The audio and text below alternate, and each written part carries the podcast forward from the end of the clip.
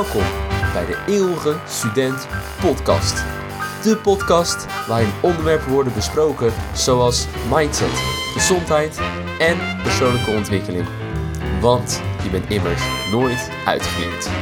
Eeuwige Student Podcast met Justin Sarion. Veel luisterplezier. Vaak wordt de eeuwige student gezien als iets slechts en werd vaak genoemd voor mensen die maar bleven studeren. Je kent het wel. Zo'n verhaal van: Hé, hey, heb je laatst van uh, Bart gehoord? Uh, Bart? Ja, die, uh, die bij ons op de opleiding zat, toch? Ja, ja, ja. Hoe, hoe is het met hem? Ja, joh, die Bart die is 32 en die is nog steeds aan het studeren. Wat? Jeetje, Bart is echt een eeuwige student. Dat kan je wel zeggen. Zo'n gesprek kennen we vast allemaal. Maar in deze zin wordt eeuwige student gezien als iemand die geen carrière wil maken. Iemand die liever niet wil werken, nog lekker lang wil lenen, suipen en leven en feesten. Maar eigenlijk is de eeuwige student een goed iets, een compliment, iets wat we allemaal naast zouden streven. Daarom is het ook de reden waarom deze podcast de Eeuwige Student Podcast heet. En ik ben niet de enige die er zo over denkt. Er zijn vele andere succesvolle mensen die zichzelf een eeuwige student noemen. Als voorbeeld Neil deGrasse Tyson, een Amerikaanse astrofysicus en bestsellerschrijver, noemt zichzelf een eeuwige student. Een Einstein, die met zijn quote Once you stop learning, you start dying, de essentie van een eeuwige student beschrijft. En Jack Ma, de oprichter van de Alibaba groep en de rijkste man van China. En dan kan je wel denken, ja, leuk en aardig al die voorbeelden, Justin, maar waarom is een eeuwige student zo goed dan eigenlijk? Nou, dat ga ik je vertellen. Voor wel vier punten. Eerste punt is, een eeuwige student ziet groei als doel en niet doel. Spoel dat terug. Een eeuwige student ziet groei als doel en niet het doel. Dit klinkt een beetje tegenstrijdig, maar het idee daarvan is: als je op reis gaat, heb je een doel. Je gaat bijvoorbeeld naar Parijs.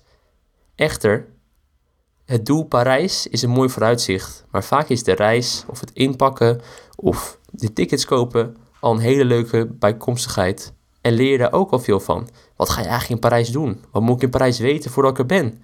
Een ander mooi voorbeeld is met het studeren. Als je studeert, een training doet, een opleiding, whatever, wil je uiteindelijk een diploma halen of certificaat. Maar het idee van het certificaat halen is niet per se dat je aan het einde van een periode met een papiertje in handen staat. Nee, zeker niet. Het gaat erom dat je dingen hebt geleerd. Het gaat om de groei, de ontwikkeling. En daarom is het ook zo belangrijk dat je na een studie of een cursus door blijft gaan met de stof. Vaak stellen mensen doelen op die zij zien als eindpunt. Maar wat nou als ze het eindpunt halen? Wat nou als je die promotie hebt gehaald, die miljoenen op de bank hebt of die mooie sportauto hebt? Wat dan? Dit is precies het punt wat ik probeer te maken. Groei als doel en niet het doel als doel. Het tweede punt is vragen stellen. Vragen stellen is belangrijk, want door middel van een vraag te stellen kom je achter antwoorden. Waarom is iets zo? Waarom is iets zus? Heel goed voorbeeld daarvan is Einstein, een van de bekendste wetenschappers van de laatste tijd. En Einstein vroeg zich af waarom we op een bepaalde manier dachten, waarom het op deze manier moest of waarom het niet op deze manier kon. En door die manier van denken heeft Einstein een hele grote indruk achtergelaten op de wetenschap van vandaag. Het derde punt is: bijna niemand is geboren als genie. En Jack Ma is hier perfect voorbeeld van. Jack Ma heeft vier keer een toelatingstoets gedaan voordat hij werd toegelaten bij de opleiding tot Engels docent. Dit geeft wel aan dat Jack Ma niet per se naar de beste universiteit ging, uh, beste dromen had, een MBA of genoeg mensen kende om toegelaten te worden. Nee, Jack Ma begon eigenlijk helemaal onderaan de ladder en gaf niet op. Hij bleef doorgaan. Vier keer, vier keer de toelatingstoets doen tot Engels docent. En toen hij dat had gehaald, stopte hij niet. Hij bleef doorgaan met zichzelf te ontwikkelen in de klas en buiten de klas.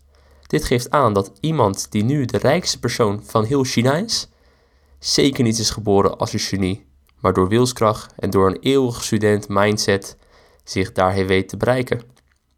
Het laatste punt is, Een eeuwige student is zo goed omdat hij of zij van alles en iedereen leert. Van mensen die hij of zij niet kent, wel kent, buiten zijn comfortzone, binnen zijn comfortzone, van hoogtepunten, maar zeker ook van zijn fouten. En Genghis Khan wordt vaak gezien als voorbeeld. Genghis Khan was de leider en heerser van het grootste rijk wat men ooit heeft gezien op deze aardbol, het Mongoolse Rijk. En historici zeggen dat Genghis Khan altijd open stond voor vernieuwingen. Of hij nou nieuw grondgebied had veroverd in Rusland, Europa, China of het Midden-Oosten, Genghis Khan probeerde altijd iets nieuws te leren van nieuwe culturen op het gebied van technologie en oorlog, zodat hij meer grondgebied kon veroveren. Hierdoor heeft hij dus ook het grootste rijk ooit gehad. Best netjes. Dus de vier punten, kort samengevat, waarom een eeuwig student zo goed is, zijn groei als doel, vragen stellen, bijna niemand is geboren als een genie en leer van alles en iedereen. En tuurlijk zal dit misschien wel moeilijk gaan, maar de Eeuwig Student podcast zal je hierbij helpen. Wij gaan je onderwerpen bespreken waardoor je nieuwe dingen leert, jezelf vragen stelt, groei als doel ziet.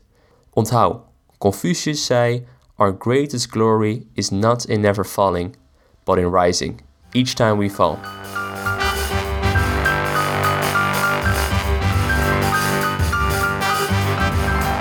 Vond je dit nou een leuke aflevering?